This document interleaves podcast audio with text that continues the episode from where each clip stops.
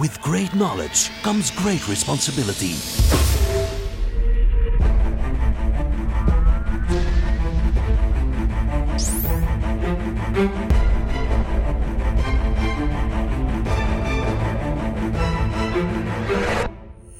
Fifty-two topics by Maarten Bové en Kevin Couvreur. Hey, hallo allemaal. Welkom terug voor een nieuwe aflevering van 52, Topics. Topics. Kevin, Waar gaan we het vandaag over hebben, dat is Maarten? een goede vraag. Dat is een goede vraag, hè? We gaan het vandaag hebben over Shadow IT, Kevin. Machtig. Schoon woord, hè? Machtig. hè. Shadow IT, ja. Ja, ze hadden gevraagd eigenlijk dat we ons verkleden, gingen verkleden in een thema rond Shadow IT, maar we hebben dat niet gedaan. Ehm, maar we gaan wel inzoomen op Shadow IT Ja. en misschien moeten we beginnen met een definitie. Ja, Shadow IT.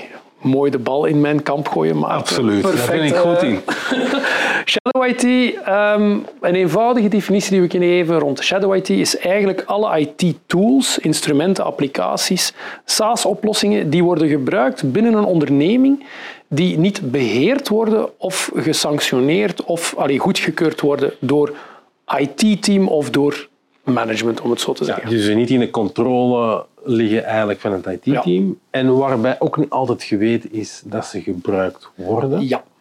En dat is het, soms de grootste Dat is misschien ook de eerste categorie, Ja. of de Ja, moeilijkste categorie. Ehm, ik denk dat dat een heel goede definitie is, Kevin. Dank u. Ik heb mijn best gedaan. Ik heb mijn best gedaan. Dank u. Ehm, ja, waar komt dat meestal vandaan? Misschien moeten we een aantal voorbeelden geven. Ja. Hè? Je hebt enerzijds ja, iets dat iedereen wel kent. Zijn al die cloud storage oplossingen. Eh, Ja. Je hebt het op elk mobiel device. Als je nu op een Android-platform zit, een Apple-platform. Iedereen heeft wel zijn eigen cloud. Maar we spreken nu ook over eh, Dropbox. ehm, Bijvoorbeeld. het kan ook ehm, ja, OneDrive zijn, als het heel persoonlijke Ja. OneDrive is. Hè. Ja. Dus eh, ja, al Ik die denk- cloud-oplossingen. hè, Ja, zijn een onderdeel ervan. Het heeft natuurlijk ook Shadow IT eh, serieus versneld natuurlijk. Hè. Het feit dat iemand gewoon online via een webbrowser ehm, ja, een applicatie kon gaan eh, openen, kon starten, een account aanmaken. Je bypast eigenlijk alles op dat moment. Hè. Vroeger was dat inderdaad een executable, hè, het exe een bestandje. Weet je nog, disketjes, cd's, misschien downloads die je moest gaan installeren. En IT-departement... Dat, ja. tot soms tot frustratie toe waarschijnlijk. Hè. Maar een IT-departement... eh, 52e disketje van eh, 54 Ja. toch een foutje gaf en je opnieuw moest beginnen. Je moest geduld hebben in IT vroeger. Maar even terug. Hè.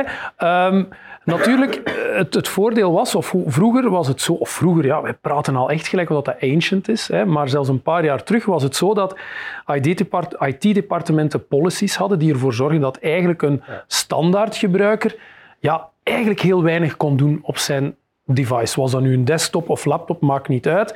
En installaties moesten gevalideerd worden door een IT-departement of door het bedrijf. Dus je kon dat niet. Dus er was ook vroeger veel meer controle over wat Ja, kon. want uiteindelijk, eh, een IT-afdeling, ja, dat is een stukje natuurlijk, je moet alles in goede banen leiden, maar dat is een balans heel een tijd tussen de vrijheid die je geeft aan de gebruikers hè, van de toestellen Heel en natuurlijk de security hè, die je wilt hanteren, de controle die je wilt hebben. Je kan alles dicht zeggen, maar dat wordt minder en minder eh, Ja. de trend van vandaag, dus je moet daar een goede balans in vinden. Ja. En dat is natuurlijk heel moeilijk met al die applicaties, hè, want we hebben nu juist over die cloud-oplossingen, storage-oplossingen gesproken, Ja. maar we spreken ook over andere collaboration apps. Oh, nou, eigenlijk, het kan over eender welk soort We apps spreken zijn. zelf over streaming-oplossingen, Ja. die je data kan wegstreamen. Zelf cloud, Ja. eh, ehm, e-mail providers van anderen. Het is eigenlijk SaaS in Ja, brede maar er zijn twee perspectieven natuurlijk om te kijken naar applicaties, hè, Maarten. Hè. Vanuit het gebruikersperspectief zeggen ze, ja, maar ja, ik heb dat nodig, ik heb dat nu nodig, hè, eh, dit en dat en dat. Maar natuurlijk van het perspectief van een IT-departement kijkt daar heel anders naar. Hè. Een IT-departement gaat er naar kijken van, ja, is het secure? Hè, Is het performant? Hè, Is het goed geschreven? Zorgt het niet voor... Dus die kijken daar ook heel anders naar, omdat zij stabiliteit moeten kunnen garanderen. Zij moeten die werking kunnen garanderen, want als het niet werkt, naar wie gaan ze stappen? Natuurlijk naar die IT-afdeling. En daar zit natuurlijk het verschil in. En wat is een grote katalysator geweest natuurlijk om shadow IT als het ware niet meer echt als dat negatieve te gaan zien, maar eigenlijk ze willen het gecontroleerder gaan doen, ze willen het iets organischer kunnen laten gebeuren, is natuurlijk die modern workplace. Hybrid work, het feit dat mensen natuurlijk niet meer op kantoor zitten, niet meer die vaste plek hebben, werken van thuis, werken mobiel. Ja, en de eisen, zoals je daarnet ook zegt, veranderen constant hè, natuurlijk.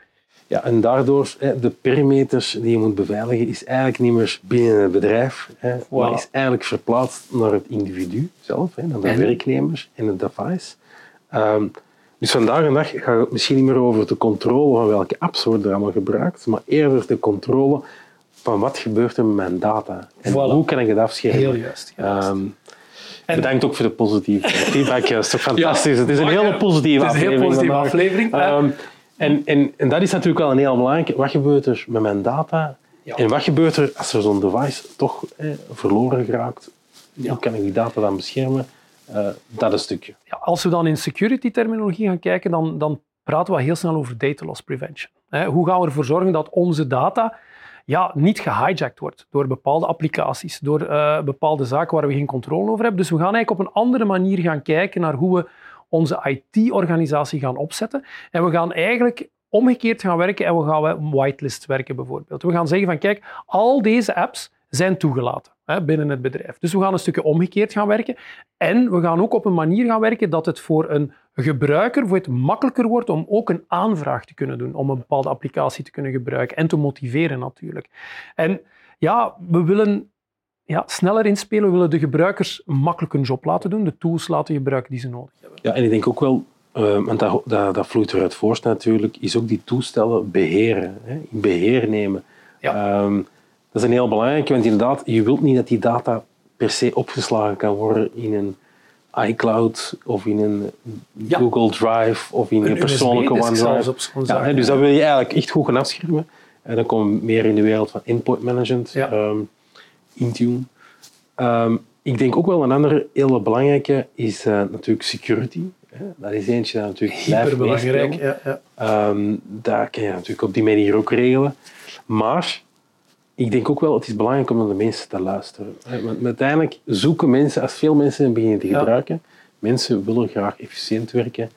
Uh, en misschien moet je ook met die info iets doen als IT-afdeling. Misschien is het ook een beetje het verhaal van minder dogmatisch met IT omgaan. Daarmee wil ik zeggen van, het is niet uh, aan een IT-departement om te zeggen hoe je moet werken. Ik denk dat we meer gaan in, in een discussie van hoe faciliteren we de onderneming hè, vanuit IT.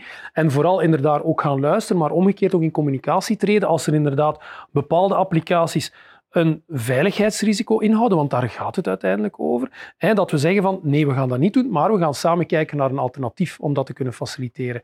En waarbij dat inderdaad het een minder zwart-wit discussie wordt en meer een onderbouwd verhaal naar elkaar toe. Ja, ik denk dat er een begrip moet zijn tussen ja, enerzijds de gebruiker en anderzijds de IT-manager of de afdeling. Ehm, IT is er in essentie in een bedrijf om value te creëren. Hè? Voilà. Uh, niet meer en niet minder. En natuurlijk de assets van een bedrijf ook beschermen, als een goede baan te leiden, efficiënt te maken. Hè? IT moet toch veel doen eigenlijk, hè, als je dat bekijkt. The core of the company. The core of the company. Nee, maar het is, het is toch, in essentie is het toch een value driver uiteindelijk. Hè? En eigenlijk moet je samen hand in hand gaan om te kijken, oké, welke stappen kunnen we nu zetten als bedrijf? Want het is eigenlijk niet alleen een IT ding, wat is eigenlijk een business, business decision. Ik denk uiteindelijk, Shadow IT is er ontstaan omdat er volgens mij ook een stuk uh, een, een, discrepantie was gekomen tussen IT en de business. Hè. In C moet je streven om eigenlijk geen Shadow IT te hebben in de organisatie. En dat komt inderdaad door te communiceren en ook duidelijker te praten over de processen en de noden binnen de organisatie vanuit een IT-perspectief, procesperspectief, om zo eigenlijk tot de ideale tools te komen die inderdaad door ook zo breed mogelijk worden gebruikt binnen de organisatie. Want als iedereen zijn eigen tools gaat beginnen gebruiken, wordt het ook heel moeilijk. misschien een kritische vraag, Kevin. Is het, uh, zijn het bedrijven die misschien minder in IT investeren, die meer shadow IT hebben? Ik denk dat dat een logisch gevolg kan zijn, want de gebruiker gaat altijd de, hoe moet ik gaan zeggen, de least cost route, dat is ook zo nog een IT-term, eigenlijk de, de weg met de winste weerstand gaan zoeken om zijn job te kunnen doen. Als hij vandaag zegt van oké, ik ga WeTransfer gebruiken omdat ik geen andere tools krijg om, om bestanden te transfereren, of ik ga Dropbox gebruiken morgen en dan weer een ander platform overmorgen, of mijn persoonlijke Google of, of eender wat ja, dan gaat ook uw bedrijfsdata, dan gaan ook al uw medewerkers ja, heel, op een heel complexe ja, manier gaan werken en eigenlijk op een onsamenhangende manier gaan Mm. werken. Hè. Dus inderdaad, dat kan daaraan gekoppeld zijn. We moeten altijd onze uitspraken een beetje nuanceren, maar ik denk dat er wel een link kan zijn tussen, ik ga het anders zeggen, IT niet zozeer strategisch te bekijken, hè. niet investeren, niet strategisch gaan zien, en inderdaad misschien meer shadow IT en dat iedereen gewoon zijn eigen gratis tools gaat proberen te gaan gebruiken om zijn job te kunnen doen, met alle gevolgen van dien. Ja, en gevolgen die niet altijd direct beschikbaar zichtbaar. Hè? Dat is het ook. Zijn. Het duurt ook Eh, een lange termijn tegen dat we misschien ja, dataverlies kunnen zien. Hè? Mensen die ja, heel bewust zeggen van ik ga alle data van het bedrijf pakken en, en zorgen en ik ben dan weg, bijvoorbeeld. Hè? Dus die een IP, dat data loss prevention Ja, verhaal is heel de- belangrijk. data is, is echt, denk ik, hier echt de core. Hè? Want retransfer benoemde je juist. ehm, als je ziet hoeveel bedrijf, een bedrijf zoals Microsoft, hoeveel moeite dat die doen om de data in Europa te houden met al die wetgeving, Ja, ja, ja, ja. GDPR. En als ik me niet vergis, WeTransfer wordt allemaal in Amerika opgeslagen. Dropbox, denk ik Ehm, ook nog. valt onder, zelfs onder de Patriot Act. Dat wil zeggen eigenlijk dat in Amerika iedereen eigenlijk dat, van de overheid dat zomaar mag ja. Ehm, en het wordt heel veel gebruikt. Eh, Ja. eh, dus dat is echt wel, eh, dat is eigenlijk wel een probleem. Er moet over nagedacht worden. Dus het is wel belangrijk ehm, Ja. dat daar een, een beleid rond is Ja. natuurlijk. Dus voor mij, kort samengevat, Shadow IT is eigenlijk ook een stukje mindset. Hè. Ik denk dat je eigenlijk Shadow IT een stuk cultiveert in je bedrijf, door misschien Ja. niet strategisch of En- niet correct te investeren in IT. Ja, het is een risico op security en data loss, ehm, maar ook een opportunity, denk ik, eh, Om het beter als te doen, bedrijf efficiënter te worden, om de mensen efficiënter te helpen worden. Ja. Dus eigenlijk onze oproep is als bedrijf, ja, breng eens gewoon al uw applicaties en de tools die je vandaag gebruikt eens in kaart. En ja, kijk eens of er daar misschien ook geen shadow IT tussen zit. Hè. Dat je zegt van oei, waarom gebruiken we dat en wat gebeurt daarin? Dus ja, ik hoop dat Shadow IT toch een beetje duidelijker was hè, voor iedereen. Het hoeft niets negatief te zijn. Hè. Zorg ervoor dat je zo weinig mogelijk of geen Shadow IT hebt.